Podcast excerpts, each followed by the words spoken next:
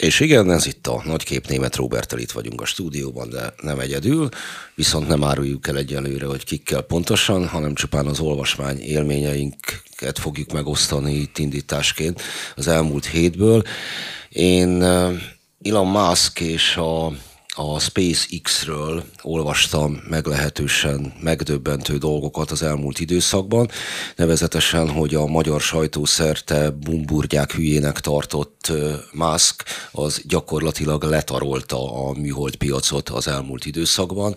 Nagyjából egészéből úgy néz ki, hogy jelen pillanatban nagyhatalomként van az amerikai Egyesült Államok, Kína, tán az Unió valamelyest Oroszország, és Elon Musk, aki a nem túl magasra fellőtt, kisebb méretű műholdakkal, egy olyan, ezek az Starlink technológiával kiépített egy olyan rendszert, amely gyakorlatilag monopól helyzetbe hozza őt azon a piacon, hogy miként lehet detektálni a különböző tárgyakat a Földön, a Föld felszínén, például mondjuk hadseregeket.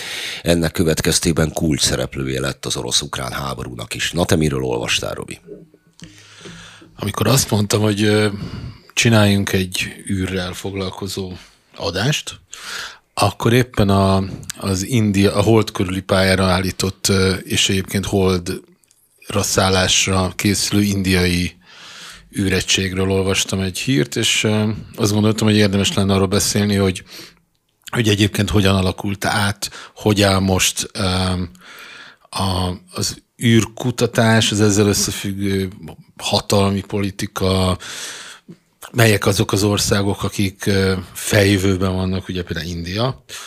A másik, amit láttam nemrég, az egy rettentően izgalmas Netflix dokumentumfilm a James Webb űrteleszkópról, az annak több évtizedes elképesztő költségvetésből és elképesztő finom lépésekből összerakott elkészítéséről. Na mindez, szóval egy csomó minden olyan inspiráció volt az elmúlt napokban, hetekben, ami, ami alapján azt gondoltam, hogy szerintem egyébként, és hogy egyébként beszélnünk kellene Magyarország részvételéről is az űrfejlesztésekben. Hát az már csak a következmény lesz, mert itt felemeltük a fejünket, és tágabb horizontot kémleltünk. Természetesen foglalkozhatnánk a helyeges kávéval is, amelyet Várkonyi Andrea kortyolgatott, de úgy gondoltuk, hogy ezen a sokkal kisebb jelentőségű témával fogunk foglalkozni az elkövetkezendő két órában. És akkor disclaimer következik. A Vendégeink, akik itt ülnek velünk a stúdióban, az egyfelől Ferenc Orsolya, az űrkutatásért felelős miniszteri biztos, egyebekben pedig parlamenti képviselő, másfelől pedig Bella Szabolcs, Európai űrügynökség Iparbizottság magyar delegáció tanácsadója, a Hanspace Cluster bizottság tagja.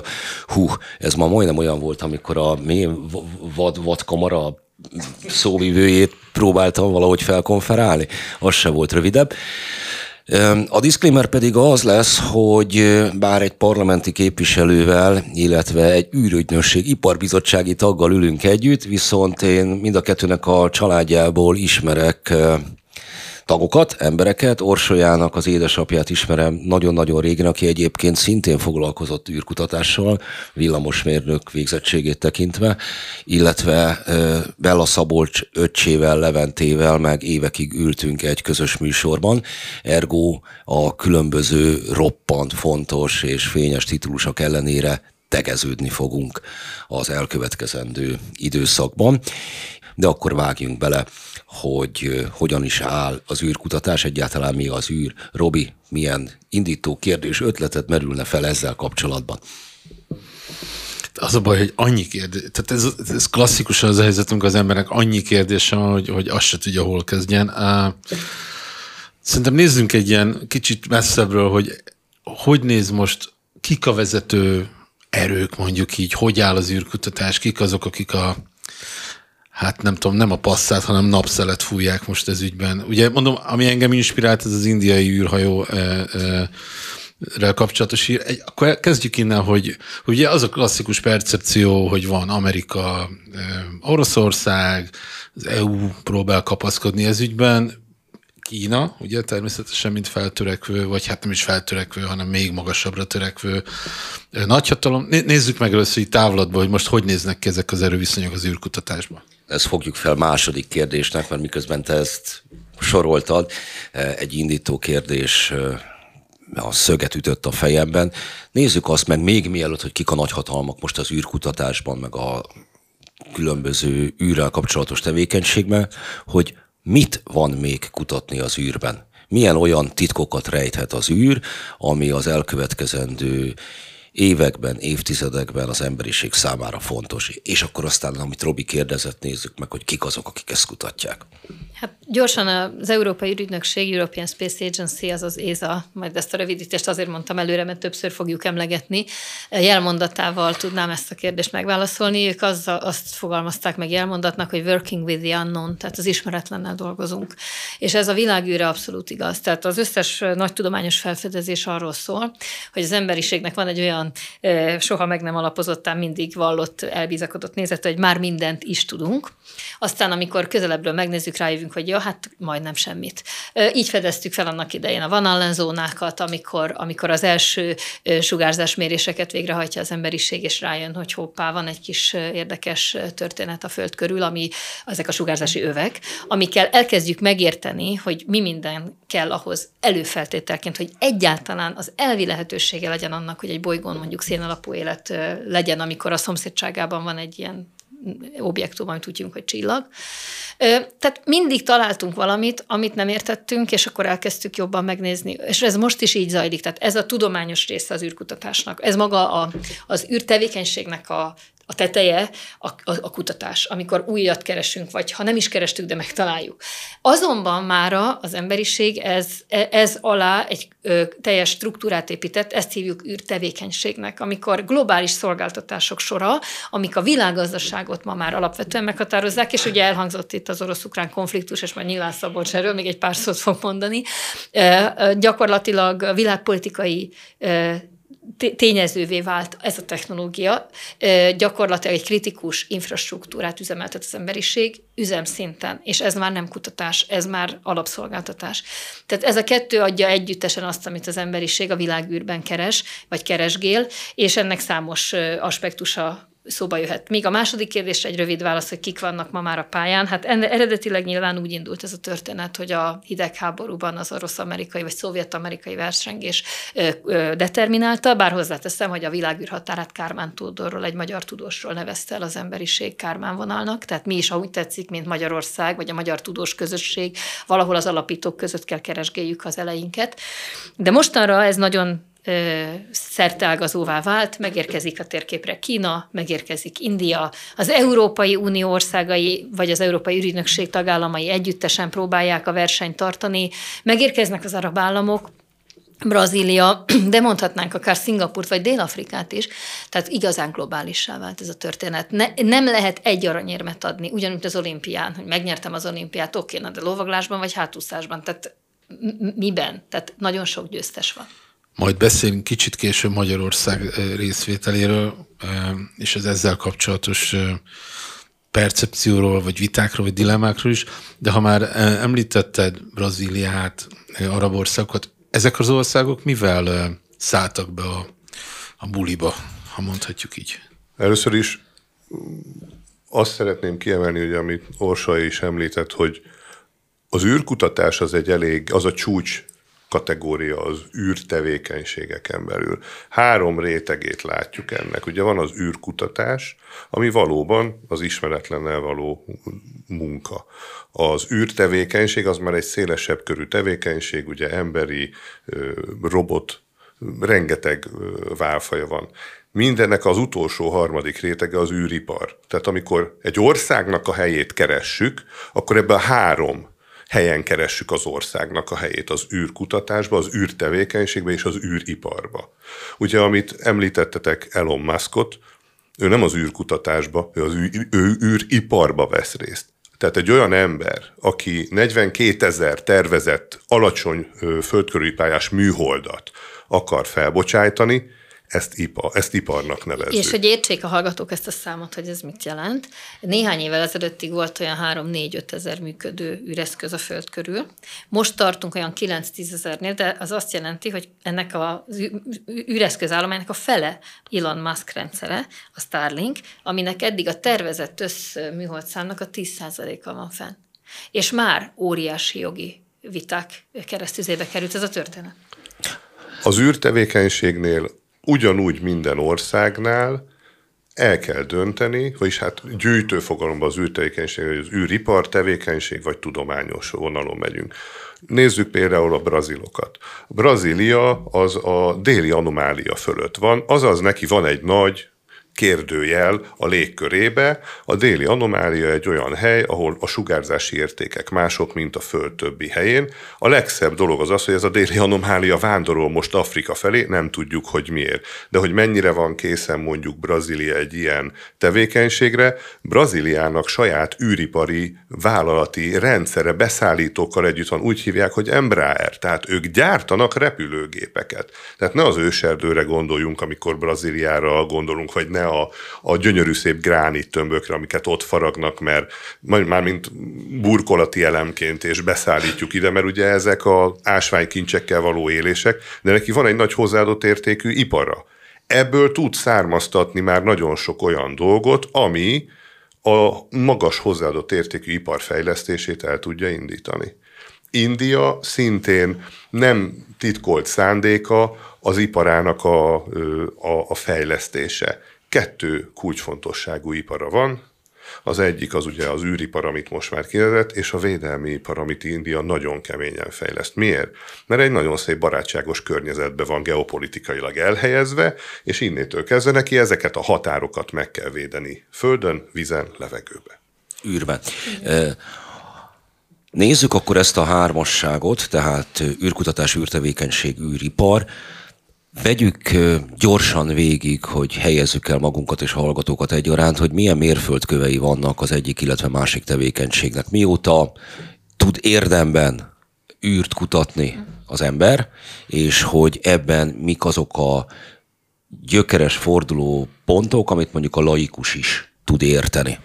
Hát eh, én úgy szoktam, amikor hallgatóknak tartok erről előadást, akkor úgy szoktam ezt mondani, hogy itt azért mindenki óriások vállán áll, tehát generációk, tehát nem úgy van, hogy most az emberiségnek triviális, hogy van egy okos telefonom, amivel én GPS segítségével műholdakon keresztül elnavigálok anyósomhoz, és akkor ez egy ilyen készség, mert az emberiség evolúciójának ez szükségszerű fejlődése volt. Uh, hanem hát azt hiszem, hogy itt egy piacirést találtam, anyós elkerülést. Igen, hogy, hogy hogyan kerüljük el az anyósokat.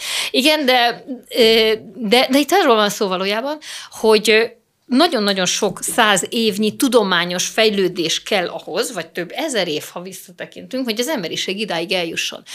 Na most ez a, ez a dolognak a, az egyik fele, hogy, hogy mi kell ehhez. De hogyha most egy kicsit ráfókuszálunk a 20. századra, akkor Magyarország valóban az elsők között van ott. 1946-hoz tesz, kötjük hozzá kicsit önkényesen a, a magyar űrtevékenységnek a kezdetét, vagy űrkutatást, amikor Bajzoltán, Simonyi Károly és egy mérnök csapat dacára minden racionális döntésnek, ugye második világháború szétbombázva a város, nincs egy épp híd, semmi, mégis megradorozzák, megmérik radarja segítségével a föld és a hold távolságát, és bár másodszor sikerül nekik a világon elsők az amerikaiak, de hozzáteszem, hogy csak néhány év, héttel előzik meg őket úgy, hogy a Simonyi Bajzoltán féle mérésösszállítás már egy so hónapokkal előbb kész van, és elkezdik kalibrálni a mérést, amikor megérkezik a front, és ugye megérkezik a, az orosz, vagy hát a szovjet, szovjet hadsereg, és ennek következtében fel kell függesszék a, a kísérletet.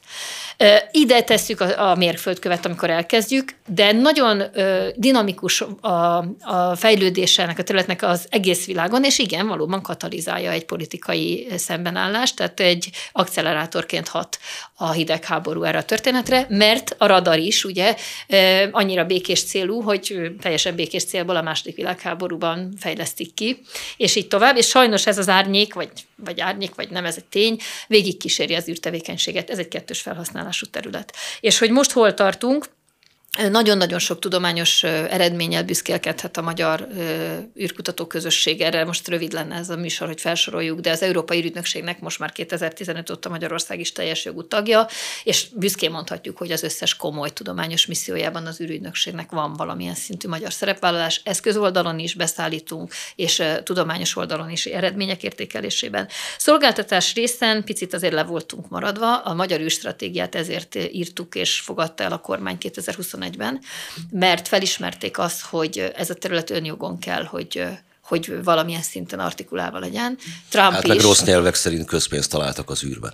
Hát bár találnának, azt tudom mondani, hogy találjanak még többet, mert ez a közpénz az, ami egy a hatos megtérüléssel forgatható vissza a gazdaságba. Tehát valóban az Európai Ügynökség is tudja azt, hogy ez egy, ha úgy tetszik, egy drága dolog, oda államok fizetnek be, de egy a hatos megtérüléssel kapják utána vissza. Tehát ez, a, ez az ipar, ez megéri Ausztriának, megéri a lengyeleknek, megéri a cseheknek, megéri a portugáloknak, akkor szerintem megéri Magyarországnak is. Itt azért kitérnék, a közpénzt találtunk az űrbe, Magyarországon a delegáció, aki az Európai űrügynökséget, űrügynökséggel a kapcsolatot koordinálja, eddig minden olyan ötletet, műszaki megvalósítást támogató levéllel aláírt, mindenféle irányvonaltól eltekintve, hogy tehát politikától függetlenül alá van írva. Tehát a delegáció támogatja ezt a tevékenységet, bárki beadhat, és ez a közpénz bárkinek elérhető. Igen.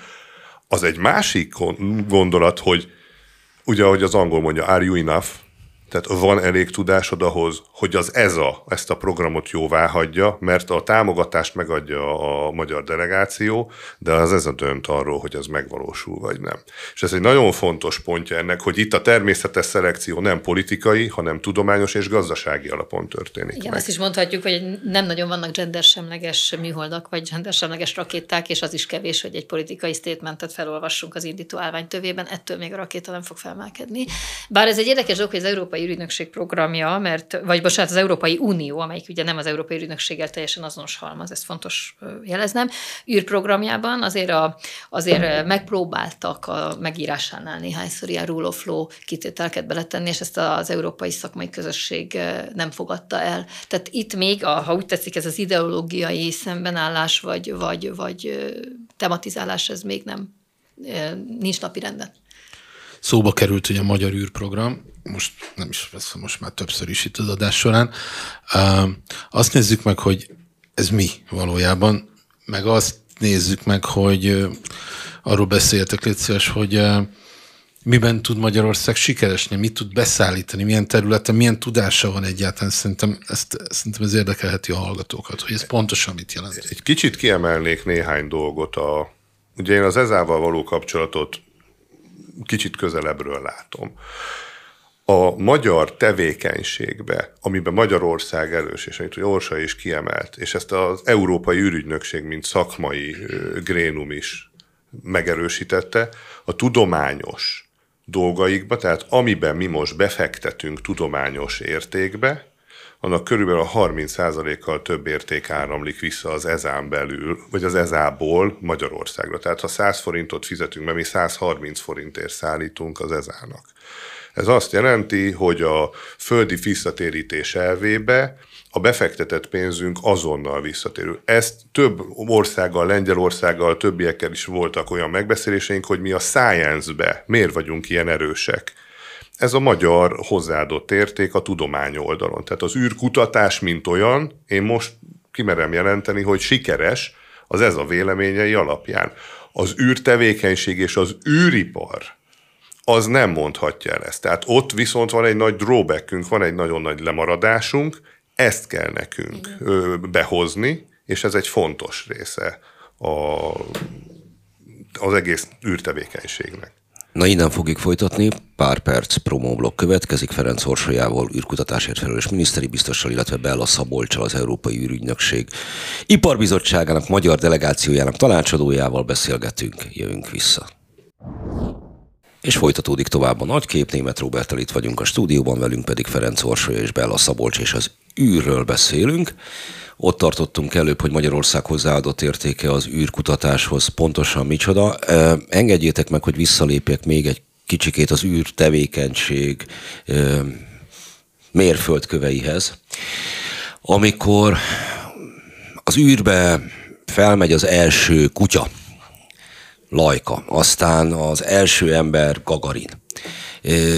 Azok mennyiben számítottak valóban forradalmi dolognak, amit a világ közvéleménye lát és hasra esik tőle, vagy azok mennyiben voltak már a tudósok számára régóta várt, tulajdonképpen nem egy ilyen ö, meglepő dolognak. Mindezt azért kérdezem, mert amit az egyszerű égre néző ember lát évtizedek óta, az egy kicsikét állandónak tűnik. Most Elon Muskot és a műholdjait leszámít valahol egyébként szintén inkább mennyiségi a változás, mint, mint minőségi, mert alacsonyra, alacsony relatíve alacsonyra felült műholdak voltak korábban is, de hogy azok a forradalmi szakaszhatárok, ami korábban volt, élőlény az űrben, ember az űrben, ember a holdon, és így tovább, az minthogyha a Marsra szállt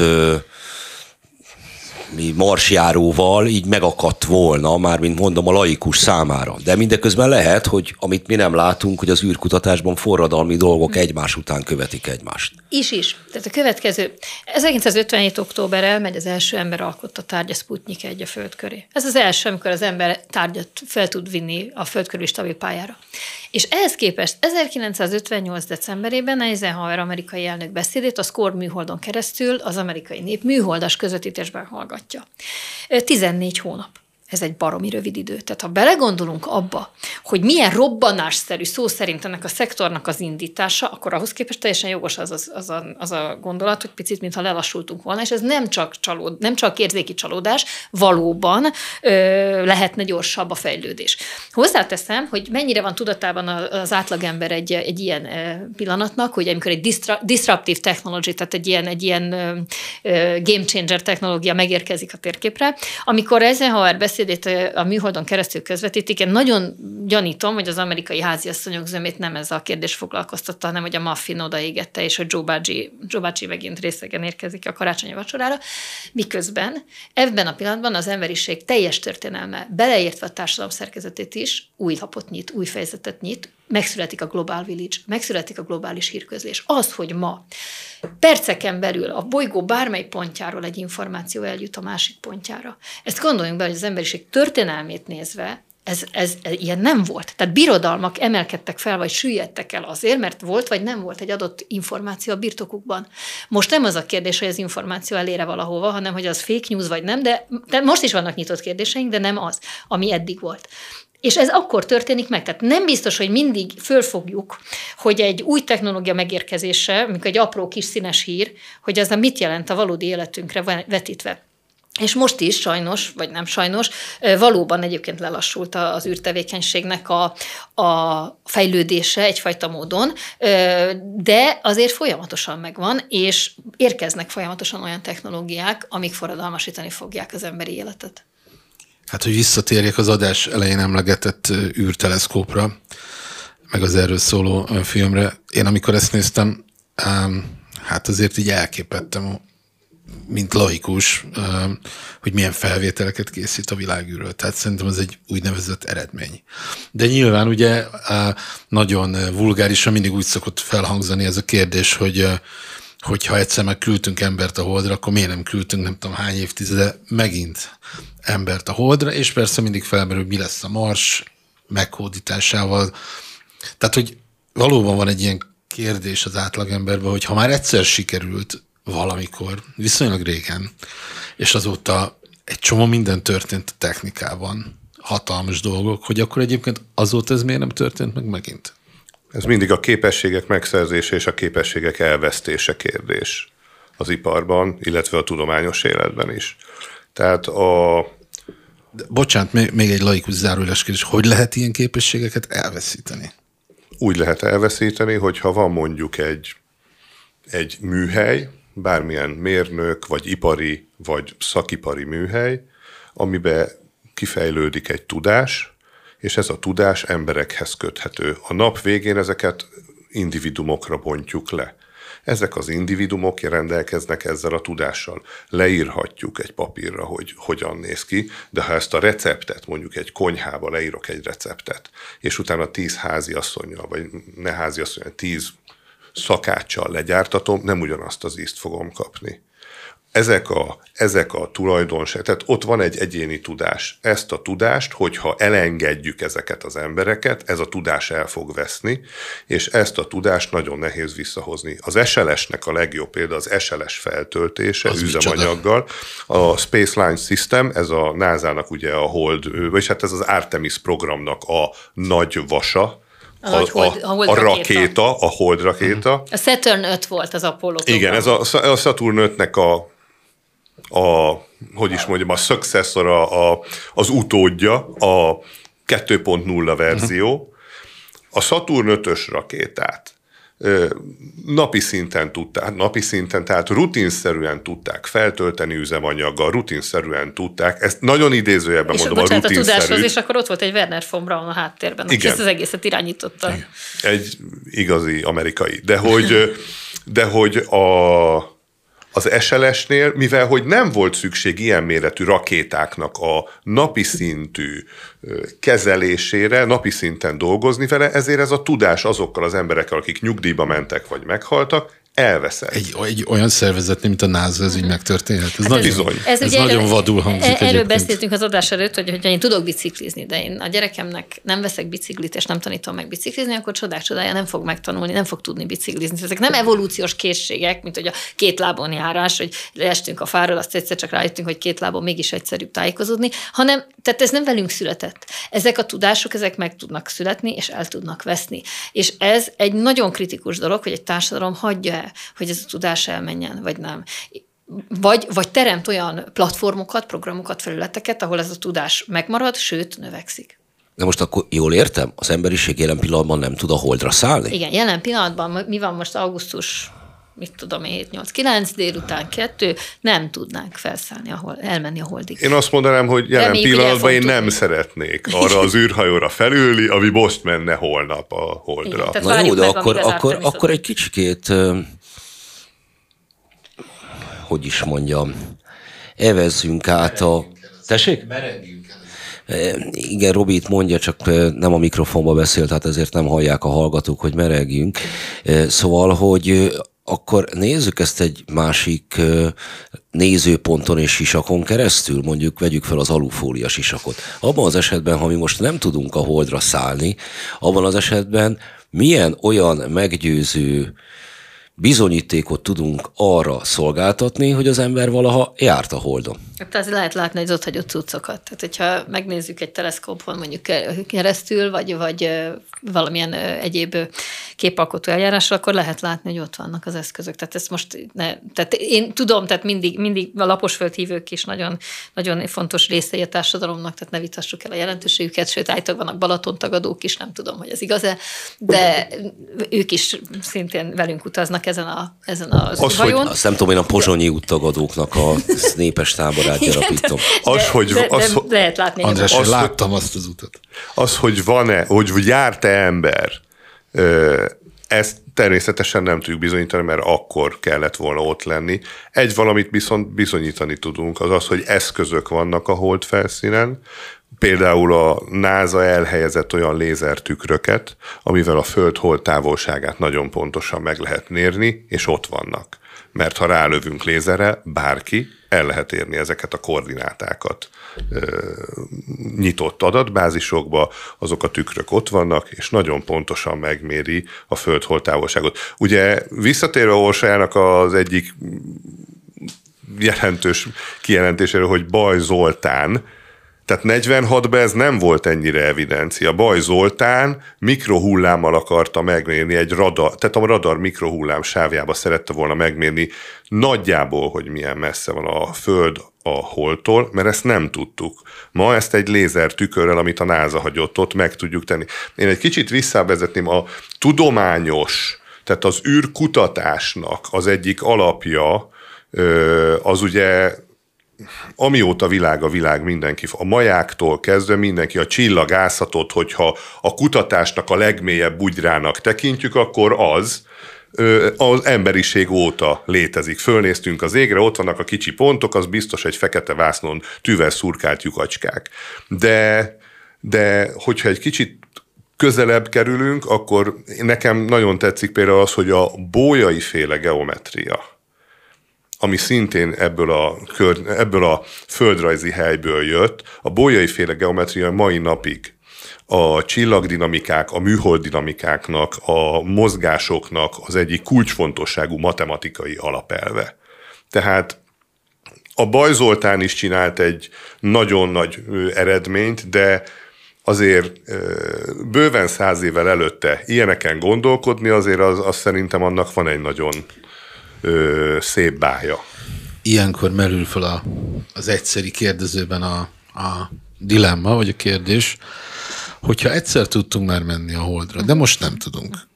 Ha egyébként olyan szervezetnél, mint a NASA, ahol azt gondolnám, hogy bizonyos tudások mondjuk rögzülnek, ez mégsem ilyen egyszerű, én meghagyom ezt a lehetőséget, főleg azért is, mert az ellenkezőjére nincs tudásom. Tehát, hogyha ilyen tudások el tudnak veszni, akkor, és nem, e pillanatban nem tudnánk embert landoltatni, vagy küldeni a, a holdra, akkor például mit keresünk a Mars körül? Mit matat az emberiség, vagy az űrkutatás a Mars körül, amikor, amikor egyébként egy meglévő tudás már egy másik, egy holdra való leszállásra elveszett. Lehet, hogy ez egy, lehet, hogy ez egy buta kérdés, de kérdés. Nagyon jó kérdés, mert nem, tehát reméljük egyébként, hogy az évtized közepére, végére, illetve minden valószínűség szerint ez meg fog változni, és nem csak ember fog menni a holdra, hanem állandó emberes jelenléttel bázis lesz a holdon, és ez egy nagyon fontos kérdés, mert a, a holdat úgy kell tekintenünk, és úgy is tekinti a szakma, hogy a következő kontinens az emberiségnek. Tehát ez egy nagyon fontos kérdés lesz, hogy miért vagyunk ott a holdon, vagy mit akarunk ott. De... Mindez mikor? Hát ez 25 és 30 közöttre teszik a valószínűségét, tehát a Lunar Gateway program az azt hiszem 28-as határidővel ketyeg, az Egyesült Államok és az Európai Ügynökség dolgozik közösen, illetve az oroszok és a kínaiak közös holdbázist fognak építeni, és szintén a 30 körüli határidővel. De ne, tehát két külön kávéház, az emberes repülés és a, a robotos repülés. A Marson jelen pillanatban automatizált robotos mérések zajlanak, és nekem személy szerint az a meggyőződésem, hogy erkölcsileg nem is vállalható fel több. Ugyanis most, ha elküldenénk embert a Marsra, akkor független attól, hogy a soft landing kérdését ugye ilyenkor illik megoldani, tehát nem lehet be, becsapódni egy emberes eszköznek egy másik égitestre, mert akkor ott az egy kudarc, tehát meghalnak. Jelen pillanatban nincs rá garancia, hogy élve odaérnének, vagy élve vissza tudnánk őket hozni. Innentől kezdve oda embert küldeni szerintem erköstelenség lehetőség egész addig, amíg vissza nem tudjuk hozni, a, hozni az embereinket onnét. A holdra el fogunk tudni jutni. A holddal kapcsolatban az a kérdés, mi fog ott történni? Tehát mm-hmm. Azt mondtad, hogy a következő kontinens, hogy ott állandó emberes jelenlét, holdbázis, izé, eszembe jut a gyerekkoromból az Alfa Holdbázis című remek sorozat. Mi fog történni a Holdon? Kik fognak oda menni? Mennyien fognak oda menni? Mennyi ideig tudnak ott lenni? Akik ott lesznek, mit fognak csinálni? Kicsit visszatérnék a, a holdra való eljutáshoz, hogy az azért hogy történt. Tehát most miért nehezebb, mint a 60-as években? Egyrészt rettenetes mennyiségű tudás gyűlt föl attól, hogy mitől kell még félnünk. Tehát amikor elmegyek mondjuk a szavannára, és én mondjuk a mediterrán térségbe éltem, akkor nem fogom felismerni, hogy az a kis cica közelebb nagyobb lesz, és nem barátságos. Tehát a, van egy olyan, hogy NASA Open Library. Ebben nagyon szép dokumentumokat lehet fellelni, és például a sugárzási környezetről írt a NASA 1968-ba. Azt írta, hogy tudomásukra jutott, hogy itt azért a sugárkörnyezet a magnetoszférán kívül erősen megváltozik, és nem barátságos irányba. Erre mi volt a javaslat? Leírták azt, hogy borkarbid, titánhidrid és egyéb anyagokat, amiket a tudósok már tudtak, hogy ilyen létezik. Ennek a szummázása az volt, hogy ezek jelenleg nem elérhető technológiák, javasoljuk a holdon való tartózkodás limitálását, azaz minimalizáljuk. Ez volt a sugárvédelem a NASA megoldásban a 60-as években. Na most, ha belegondolunk, most már nem ezt gondoljuk, hanem azt gondoljuk, jóval többet tudunk a sugárzásról, jobban, tudunk, jobban többet tudunk az áldásos és nem áldásos hatásról, és ha mérlegre rakjuk, akkor a nem áldásos egy kicsivel több lesz. Tehát már van, amit, amitől félünk, tudjuk azt, hogy mit kell tenni, és számít az, hogy azok az emberek, mert nem egy politikai hatalom, egy verseny, egy, egy, egy konkrétan ez egy hadászati Igen, verseny GSK volt. kijelenti 61-ben, hogy elmegyünk a Holdra, nem azért, mert könnyű, hanem pont azért, mert nehéz. 61. És 69-ben leszáll, leszáll az első emberes misszió. Úgyhogy közben voltak kísérleti tesztek, meg megkerülték eszközzel a holdat, meg megkerülték emberrel a holdat, stb. És akkor mégis sikerül. Te, és teljesen nem veszett el az a tudás, amit ott fölhalmozott a NASA, csak mindig más beszélni róla és csinálni. Kicsit nézzük a holdra szállásnak a földi politikára, meg a hatalmi politikára vonatkozó aspektusait. Mit jelent, kik, kik milyen pozícióban vannak most a hold, mondjuk így nagyon vulgárisan meghódításával kapcsolatban? Ugye lehet tudni, hogy Kína a hold sötét oldalán, és ez most nem egy metafora, hanem egy valóságos kifejezés, tesz-vesz, mondjuk így. Egyébként, és hogy egyébként a nagyhatalmak hogyan állnak ebben a, ebben, ebben a, mert hogy ez egy verseny, nyilvánvalóan, hogyan állnak együtt, egymással szemben, egymással versenyben. Szóval hogy néz ki most, mint hatalmi politika, a hold meghódítása? Egy nagyon fontos kérdés, a- ami- amit feltettél, hogy ez mit jelent itt mondjuk azoknak a hatalmi ö, központoknak? Mit jelentett ez az 1400-as, 1500-as években a nagy gyarmatosítás idején? Tehát az a királyság, a spanyol, a portugál, azoknál mind-mind, ugye ez egy, ez egy hatalmi szimbólum lett. Mekkora gyarmaton volt, onnét mennyi jövedelmem származik. Ez már csak társadalompolitikailag is egy meghatározó része volt, nem hogy gazdaságilag. Ugye, ha megnézzük, Szevillában van az aranytorony, ami azt jelenti, hogy az összes Amerikából jövő hajó oda kellett menjen, és ott kellett adóznia, ott kellett befizetni az adót. Na most ezt szerényen aranylemezekkel borították, csak hogy ne tévessze össze senki se. Ha, ha, ha nem tudja, hogy hol kell leadni az aranyat, Ahol akkor, csillog. akkor ahol csillog, ott, ott kell leadni. Na most hogy néz ez ki a hold szempontjából? Ja igen, és térjünk vissza a gyarmatokra. Tehát a korai gyarmati időszakban ugye nagyon komoly társadalom, társadalomvédelmet, gazdasági védelmet indítottak be a gyarmatokon? Nem, kizsákmányolták az egészet. A hold, a holdon vannak nyersanyagok. nyersanyagok, gazdasági és politikai erőt lehet vele demonstrálni. És ez meg fog történni. É- és van egy biztonságpolitikai vetülete is, ez egy, mág, minket kísérő égitest, tőlünk ar- aránylag stabil távolságban, mindig ugyanazt a felét fordítja felénk, tehát a dark side of the moon az igazából far side of the moon, tehát az sincs sötét, csak, csak mi nem látjuk, a nekünk egy sötétség, hogy mi van a túloldalon, tehát ez viszont azért mindenkinek a fantáziájára bízom, hogy ott milyen energiát, erőt érdemes oda betelepítsen egy nagyhatalom, hogyha a földi élet szempontjából kritikus kontrollt kíván gyakorolni. Ezek a technológiák ma már biztonságpolitikailag megkerülhetetlenek. Tehát nemzetek vagy nemzetszövetségek szuverenitása múlik azon, hogy ezekkel a technológiákkal rendelkeznek-e. Dönthet úgy egy ország, vagy dönthet úgy egy országszövetség, hogy ők ebben nem kívánnak részt venni, de ugyanaz lesz, mint a gyarmatosítás idején, hogy oké, okay, akkor ti nem hajóztok ki a három árbocos sorozati döntésetek. Jó, én ezt értem, azt is értem egyébként, hogy a nagy kutatásoknak az ösztönzője a háború és a politikai szembenállás nem volt ez más, hogy az atombombánál sem. És, És a valószínűleg- kíváncsiság, azért azt még rakjuk hozzá. Na, hát, a kíváncsiság a tudósoknál, de az, hogy mennyi pénzt hajlandóak belerakni egy kutatásba, az azért már, hogy is mondjam, profánabb Igen. okokat feltételez a háttérben. Tehát amit Robi kérdezett, az a dolgoknak az egyik része, hogy ez a mi piszlicsári életünkre, perpatvarainkra miként hat, miként élünk. De hogyha már ennyit beszéltünk, most már nem is tudom, 40 percet a, az űrről idáig, akkor például tudtok-e választ adni arra, hogy mi az az űr?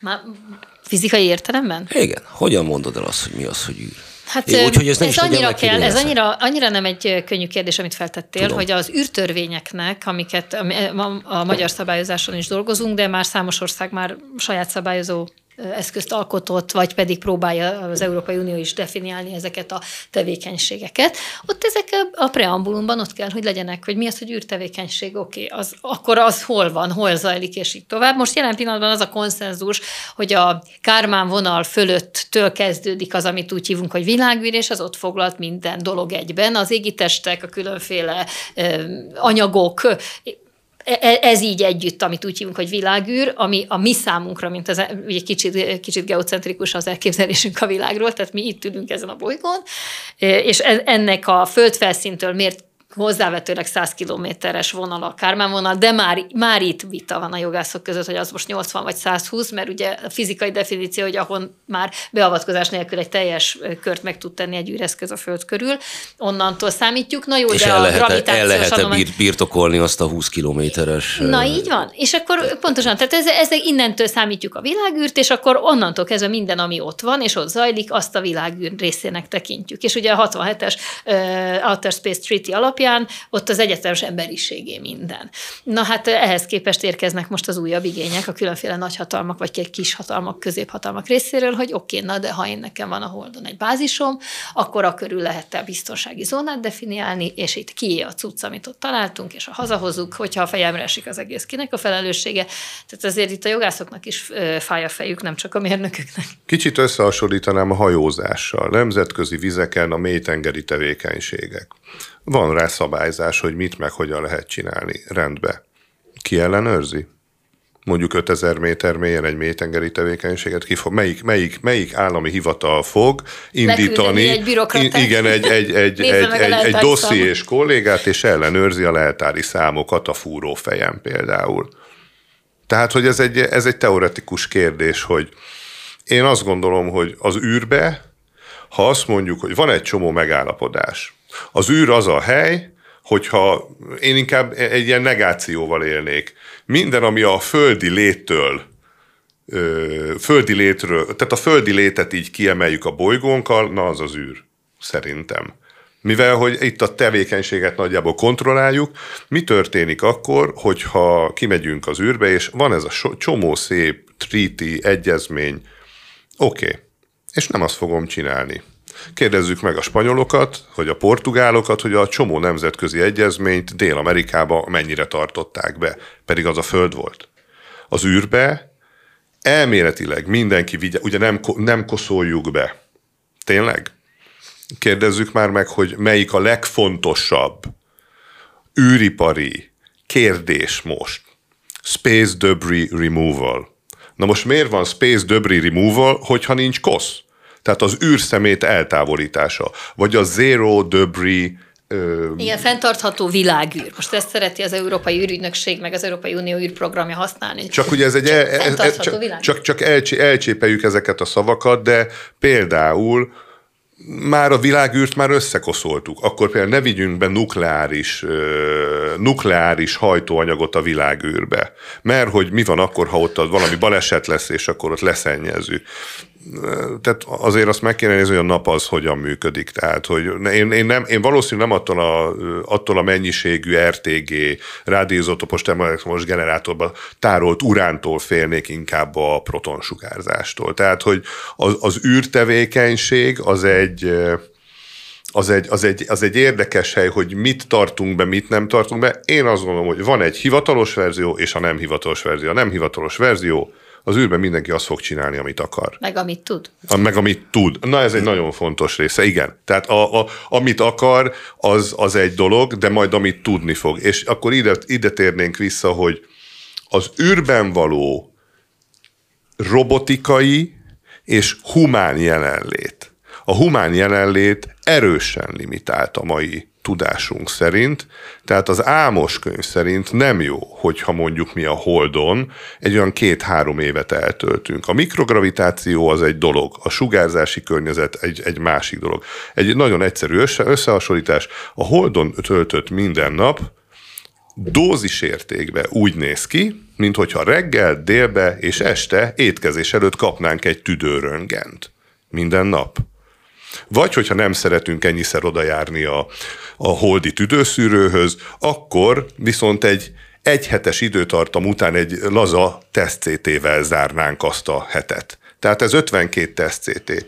Ha megkérdezünk néhány egészségügyi szakembert, ezt nem javasolja. Tehát 10-ből kilenc fogorvos nem javasolja ezt. Na hát a... ez nem most fog bekövetkezni, amikor megkérdezünk egy egészségügyi szakembert, ugyanis jönnek a hírek, és ez majdnem olyan szigorú, mint a Kármán határ. Utána jönni fogunk vissza, az űrről beszélgetünk Ferenc Orsolyával és Bella Szabolcsa. És újra itt vagyunk, ez itt a nagykép, zűr kutatás és mindenféle zűrös dolgok azok, amelyek jelen pillanatban a beszélgetésünk tárgyát képezik. Velünk itt ül a stúdióban Ferenc Orső és Bella Szabolcs, én Hont András vagyok, mellettem pedig Német Róbert foglal helyet. Előtt, előbb arról beszéltünk, hogy mi is az az űr, és kaptunk egy végül is tréfás, de roppant exakt e, definíciót, hogyha kivesszük a Földet meg a légkört, akkor a maradék az az űr. Ezt kapjuk meg. Ez nekem ugye nagyon tetszik, de e, Szabolcs itt az előbb a, mind a ellenőrzési jogi kérdéseket, mind magát a kutatást, azt a mélytengeri kutatással vetette egybe.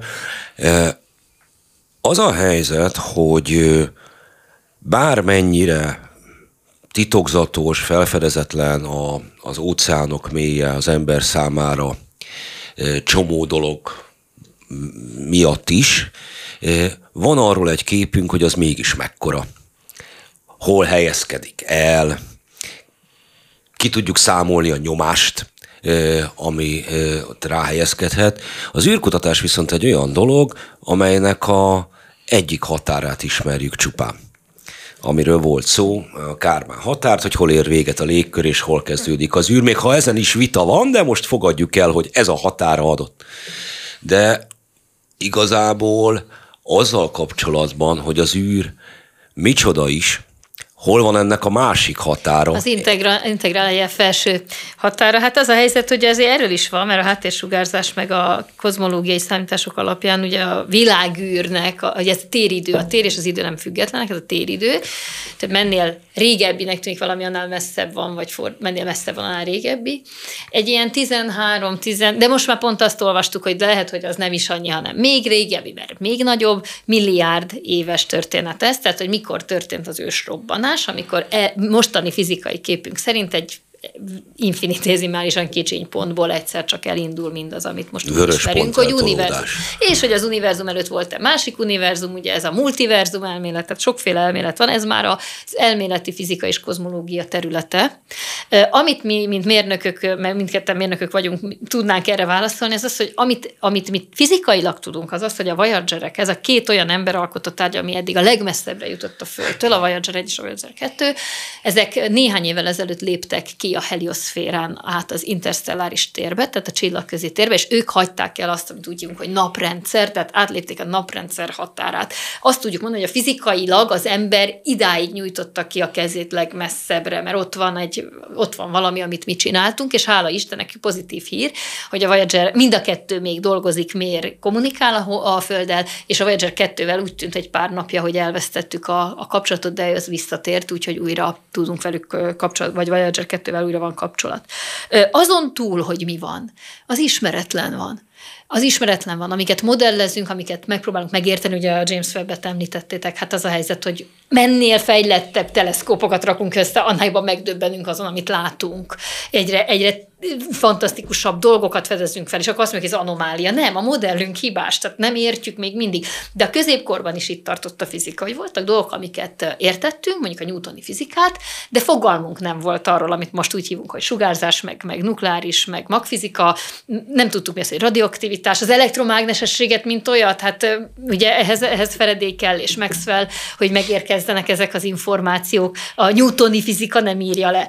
Tehát attól, hogy valamit nem értünk, az nem azt jelenti, hogy akkor az, az nincs, hanem az, hogy még nem tartok ott a tudásomban. És ez a helyzet, hogy ezért mondtuk azt, hogy mindig is az ismeretlennel fog dolgozni ez a terület, mert óriási dolog az, ami körülvesz minket ha valamit megtanít az embernek ez a történet, az, a, az az alázatosság, hogy milyen elképesztően kicsik vagyunk. Itt volt jó pár űrhajós néhány évvel ezelőtt Farkas Bertalannak köszönhetően egy nemzetközi űrhajós találkozó volt Budapesten, és volt szerencsém találkozni 14 országból 60-nál is több űrhajóssal, és elmondható az, hogy mindegyikük akik fönt jártak és láttak valamit, amit mi itt a Földön csak elképzelünk, hogy, hogy milyen lehet az emberiség tudat, ugye ez egy elképzelt nekik nem. Ők fölmentek, visszanéztek erre a rendkívül törékeny kis mentőcsónakra, amelyik egy olyan világban kering, ami baromira nem a mi barátunk, és nem arról szól, hogy minket nagyon szeretne, és mi itt 8 milliárdan, ha szeretjük egymást, hanem meg az egész bioszféra, köszöni szépen ezen a mentőcsónakon kell túléljen. És ezek az emberek tényleg megváltozott személyisége jönnek vissza. Azért, mert ez egy akkora, akkora súly egy ember lelkén, amikor erre rájön, hogy milyen elképesztően kevésen múlik, hogy itt van élet ezen a bolygón, amit azért fel kell dolgozni. A hajózás, bocsánat, a hajózásra visszatérve, ugye amit mondtál, hogy tudjuk, hogy milyen mély a tenger és milyen a nyomás. Most. Most tudjuk. Kolumbusz korába nem tudtuk, hogy milyen mély a tenger. Azt tudtuk, hogy ami, ahova le tudtunk egy kötelet vezetni, azt tudtuk. De azt se tudtuk, hogy, hogy körbe, tehát Kolumbusznak már volt egy elmélet, hogy valószínű, ha körbe megyek, akkor, tehát nem mondtuk, hogy körbe megyek, hanem, hogy körbe fogok érni. Ezért hívják szegény amerikai őslakosokat indiánoknak, mert ő neki volt egy képzete, hogy hova érkezett, de hogy ez egy nagyon fontos része, hogy a pillanatnyi tudásunk, tehát a tudásunk bővül. Ugye Orsa ezt is kiemelte, hogy mit tudunk meg mindig, minden egyes új műszerrel azt tudjuk meg, hogy mennyire buták vagyunk. Vagy mennyire, ne, nem az, hogy buták, mennyire nincsen tudásunk. Nem vagyunk buták, mert lehetünk okosak, csak nincs meg a tudásunk. A tengeri rendszereknél persze most már tudjuk azt, hogy mennyi a, mely, a Marianárok, hol van a legmélyebb pont minden. Ezt 500 éve nem tudtuk. Azt se tudtuk, hogy ha elhajózunk, akkor mi, akkor mi fog történni. Nem tudtuk, hogy a tenger, a tengert mi végtelennek tartottuk. Az űrt most végtelennek tartjuk. Egyre több mérés van rajta, hogy van nem, persze nem, nem határa. tartjuk, csak emberi észre. Csak, ember, csak az emberi léptékkel nem tudjuk ezeket, ezeket belőni. Mi a, a, tehát az űrkutatás kutatja ezt a mélységet. Az űrtevékenység és az űripar limitált arra, ahova a kezünk elér.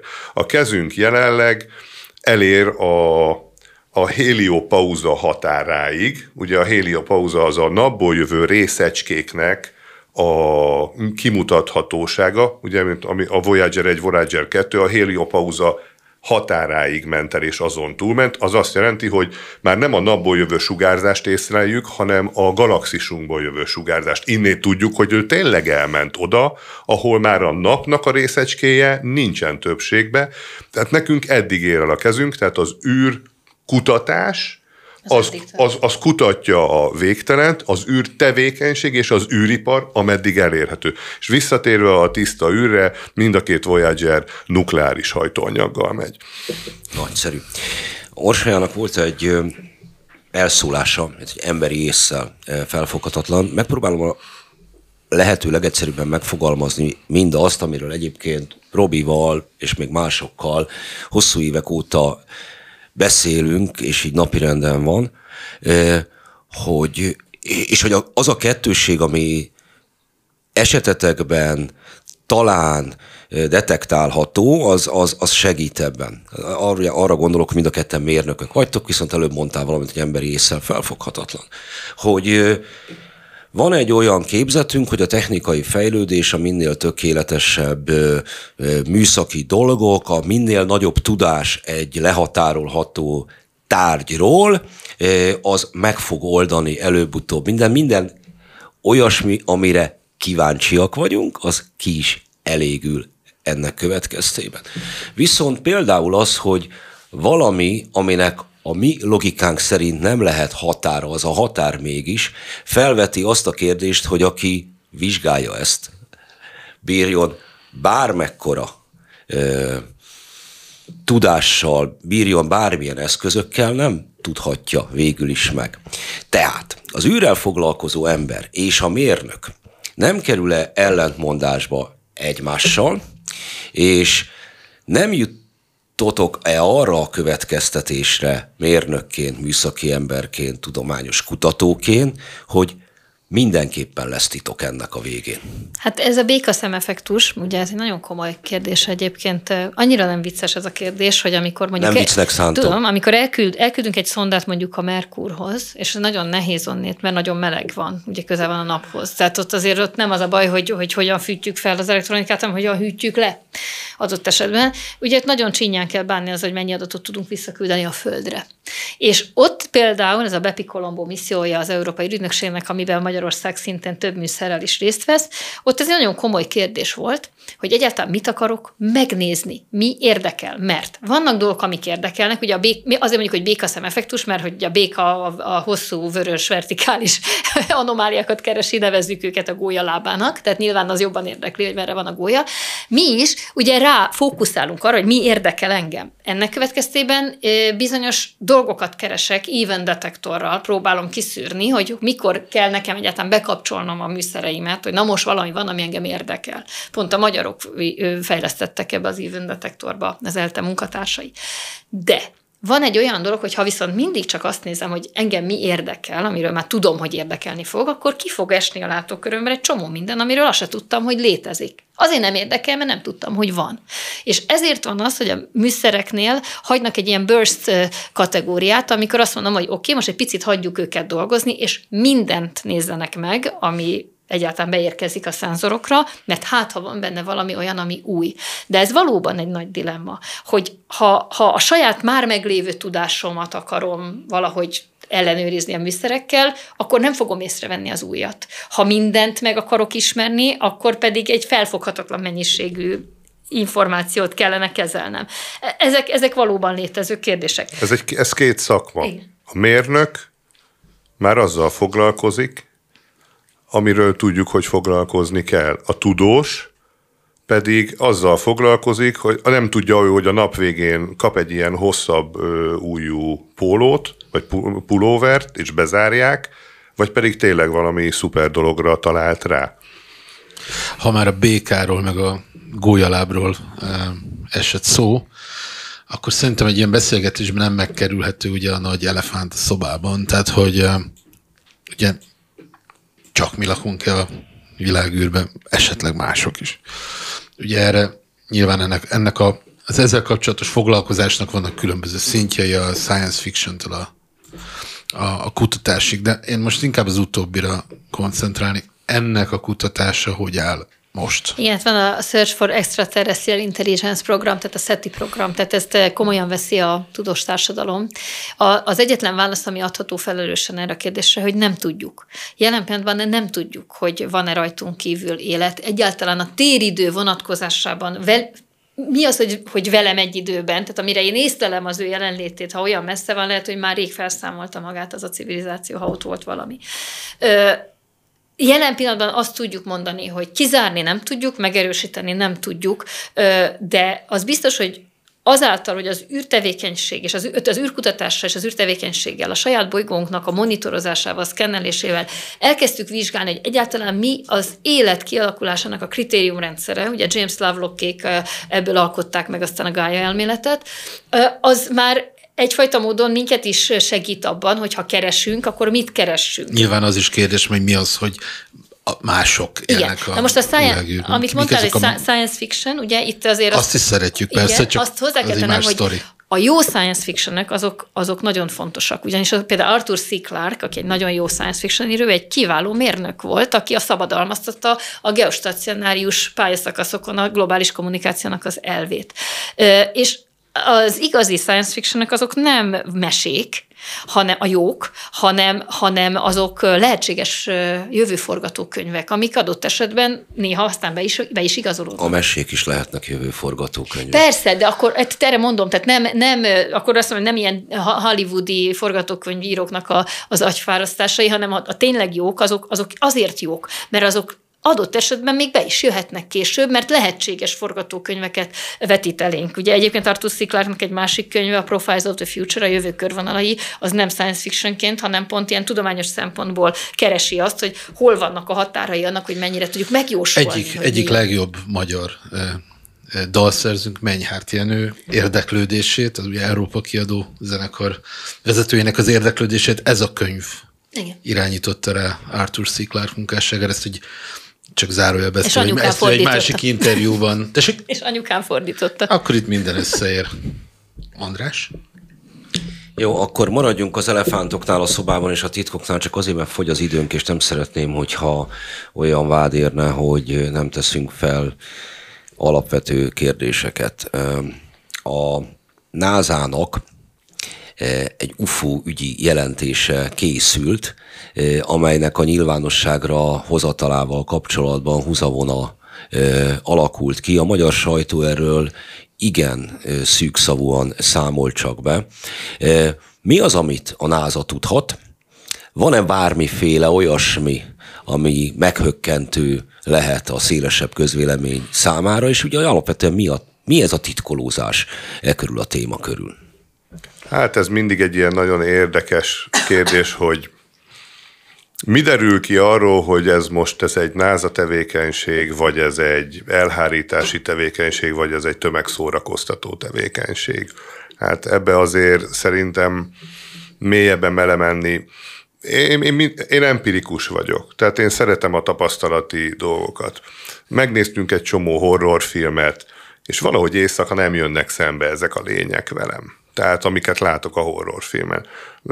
Ha fölnézek az égre, látok néhány jelenséget, ami vagy megmagyarázható, vagy nem. Az, hogy most miért most tesznek közzé egy ilyen UFO jelentést, hogy miért foglalkoznak ezzel a dologgal, nem tudom megmondani. Ezt szerintem van néhány teoretikus, aki meg tudná mondani az egy, az egy érdekes dolog, ugye ez a Roosevelt történet, a régi katonai kísérletek, az, hogy ezek akkor ilyen légballonok voltak, hasonló. Ezen szerintem vitatkozhatunk sokat, az igazságot nem fogjuk tudni megmondani. Én azt gondolom, hogy a, az, hogy a mi tevé, tehát a, a, a földi létünkbe idegenek becsatlakoztak és idegen technológiákkal dolgozunk, ez, ez azért egy, hát, hogy szóval nagyon finom, nem szeretném determisztikusan meghatározni, de vannak fenntartásaim arról, hogy mi idegen technológiákkal foglalkozunk, vagy dolgozunk.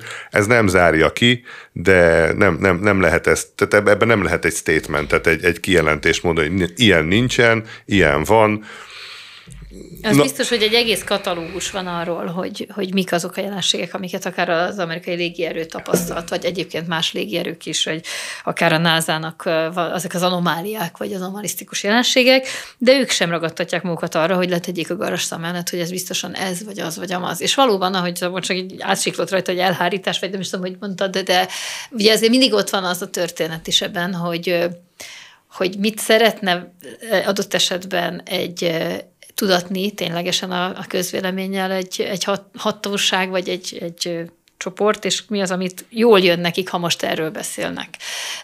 Nagyon szereti az emberiség ezeket a témákat, mert izgalmas, és akkor erről lehet beszélni, és akkor addig sem beszélünk másról. De most ez is ott lehet benne, hogy, hogy mikor, miért csöpögtetik, adagolják ezeket a, ezeket a híreket.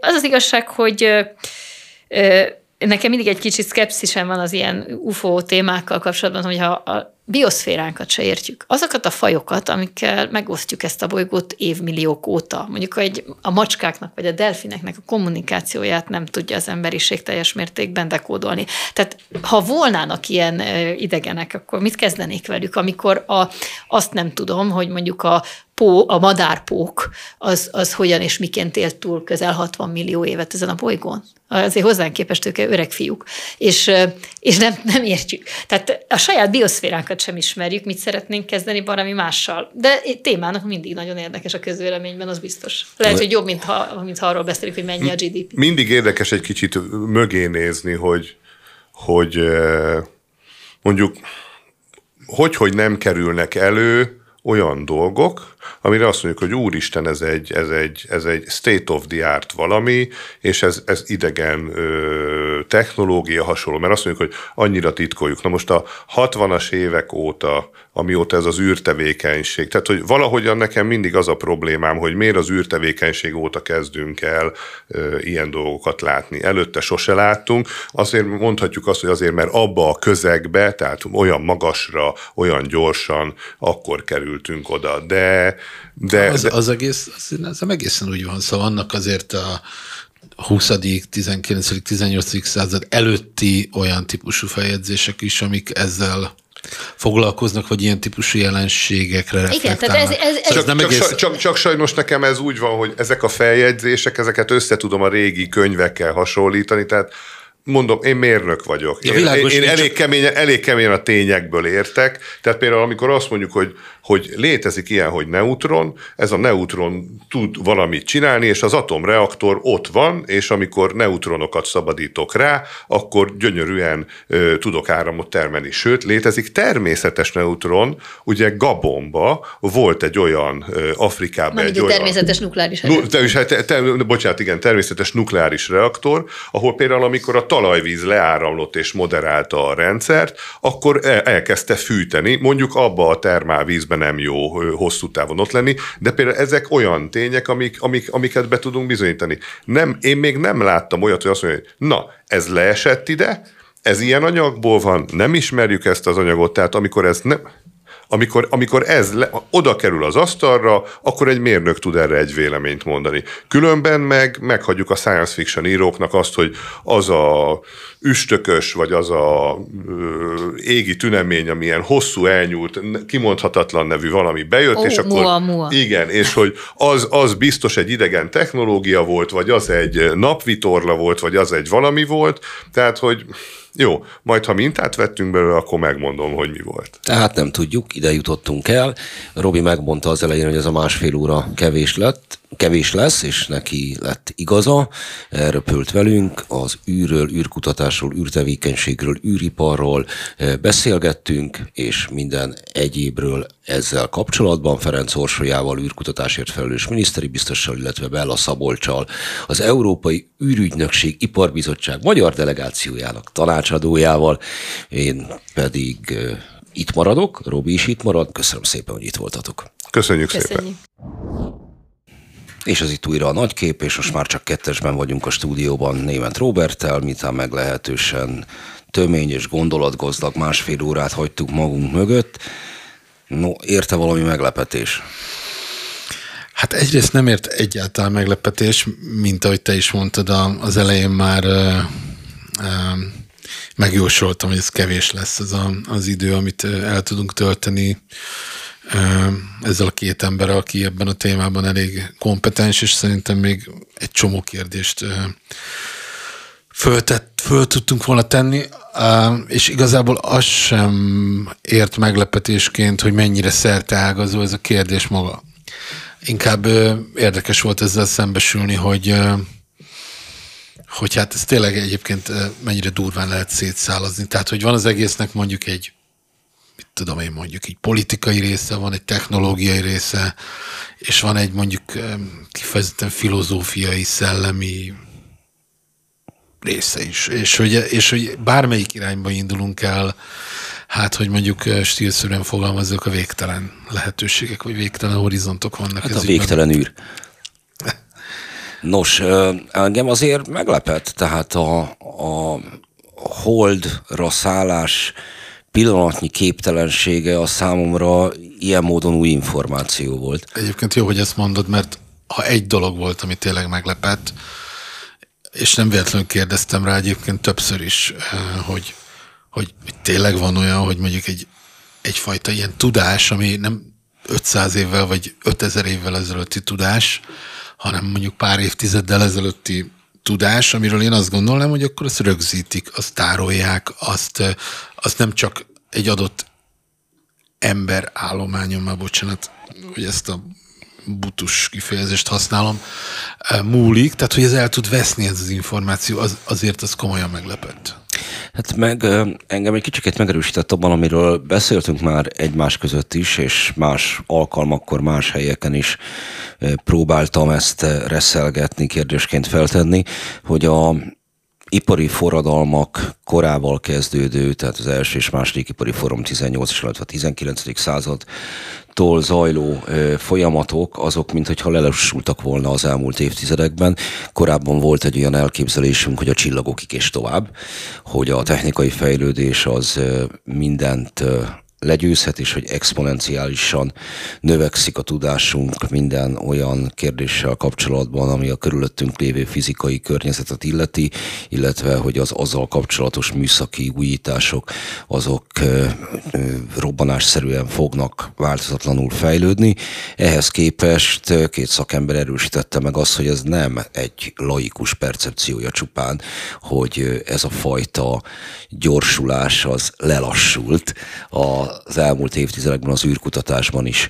És abban a sincs egyébként olyan egetrázó újdonság számomra, hogy igazából a vége mindennek, ahogy te is említetted, filozófiai, filozófiai kérdéseket vet föl. Önmagában az emberi elme arra nem alkalmas, hogy a tér, illetve időnek az azonosságát felfogja, már pedig ugye az világűr határának feszegetéséhez ez kéne a saját logikánk feszegetése. Kant szerint ugye ez, ami alapvetően az emberi agy számára nem egy lehetséges dolog, hiszen alapvető kategóriákkal dolgozik, és ez meg az alapvető kategóriákon kívül van. Nem véletlenül próbáltam azt a kérdést feszegetni ebben beszélgetés során, hogy marad-e titok, és lehet, hogy pont az űrkutatás, az űrhatárainak kutatása az, amely lehet, hogy nem fogja azt a célt elérni, hogy mindent tudjunk a világűről, hanem azt a célt érheti el, hogy bebizonyítja azt, hogy vannak olyan dolgok, amit egyszerűen nem is tudhatunk. Két nagyon érdekes szempont volt még, ami, eh, ami engem így megragadott. Az egyik, ami ugyancsak mindig előkerül, ha a tudományról beszélgetünk mostában, az a nem tudomnak a kérdése. Tehát, hogy néha el kell, hogy hangozzon az a mondat, hogy nem tudom. És az a, a tudás megszerzésének is meglepő módon az egyik fontos fontos pillanata, vagy, vagy lépés a nem tudom kimondása. A másik pedig az, az is nagyon érdekes volt, amiről Ferenc Orsolya beszélt, hogy hogy hogy is mondta, hogy hogy néha, néha úgy kell keresni, hogy nem mondjuk meg, hogy mit keresünk. Tehát néha egész egyszerűen csak a mindent kell figyelni. Ugye valami ilyesmit mondott, hogy... Hát hogy... az, hogy a, az, hogy a mérnöki logika a, a